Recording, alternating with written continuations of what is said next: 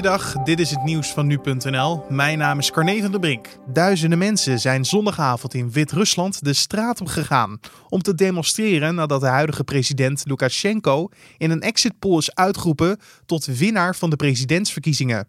Volgens de eerste exit poll zou Lukashenko 79,7%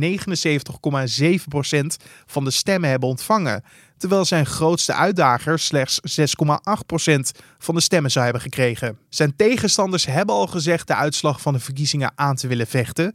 En de politie in de hoofdstad Minsk heeft hard opgetreden tegen de demonstranten en gebruikte flitsgranaten, waterkanonnen en traangas om de demonstranten uiteen te drijven. En er zouden zondagavond al 10 mensen zijn gearresteerd.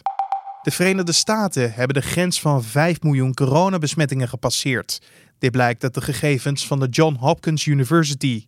De VS was al langer koploper in het aantal coronabesmettingen, boven Brazilië, India en Rusland.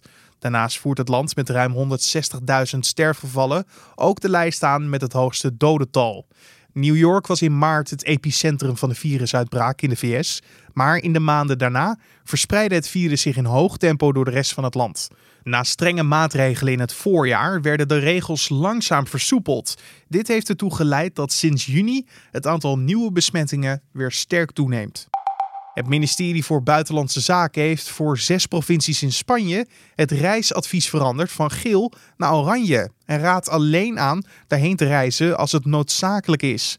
De regio Groot-Barcelona was eind juli al oranje gekleurd op de vakantiekaart van het ministerie. Maar door de toename van het aantal coronabesmettingen is de hele provincie in de autonome regio Catalonië meegenomen.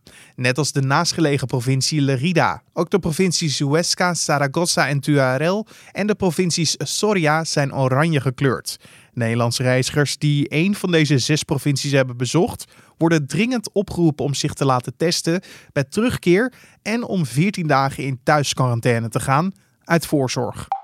Mediatycoon Jimmy Lai en zes anderen zijn maandag opgepakt in Hongkong op verdenking van het overtreden van de nieuwe Chinese veiligheidswet.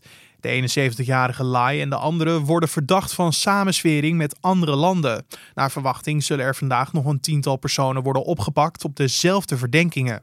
Lai is oprichter van de krant Apple Daily, een prominent democratieactivist in Hongkong en kritisch op het Chinese bestuur in Peking. En dit is de meest prominente arrestatie sinds de invoering van de nieuwe veiligheidswet. De wet stelt China namelijk in staat om harder op te treden tegen oppositiepolitici en activisten. Sindsdien zijn al honderden arrestaties uitgevoerd. En tot zover de nieuwsupdate van nu.nl.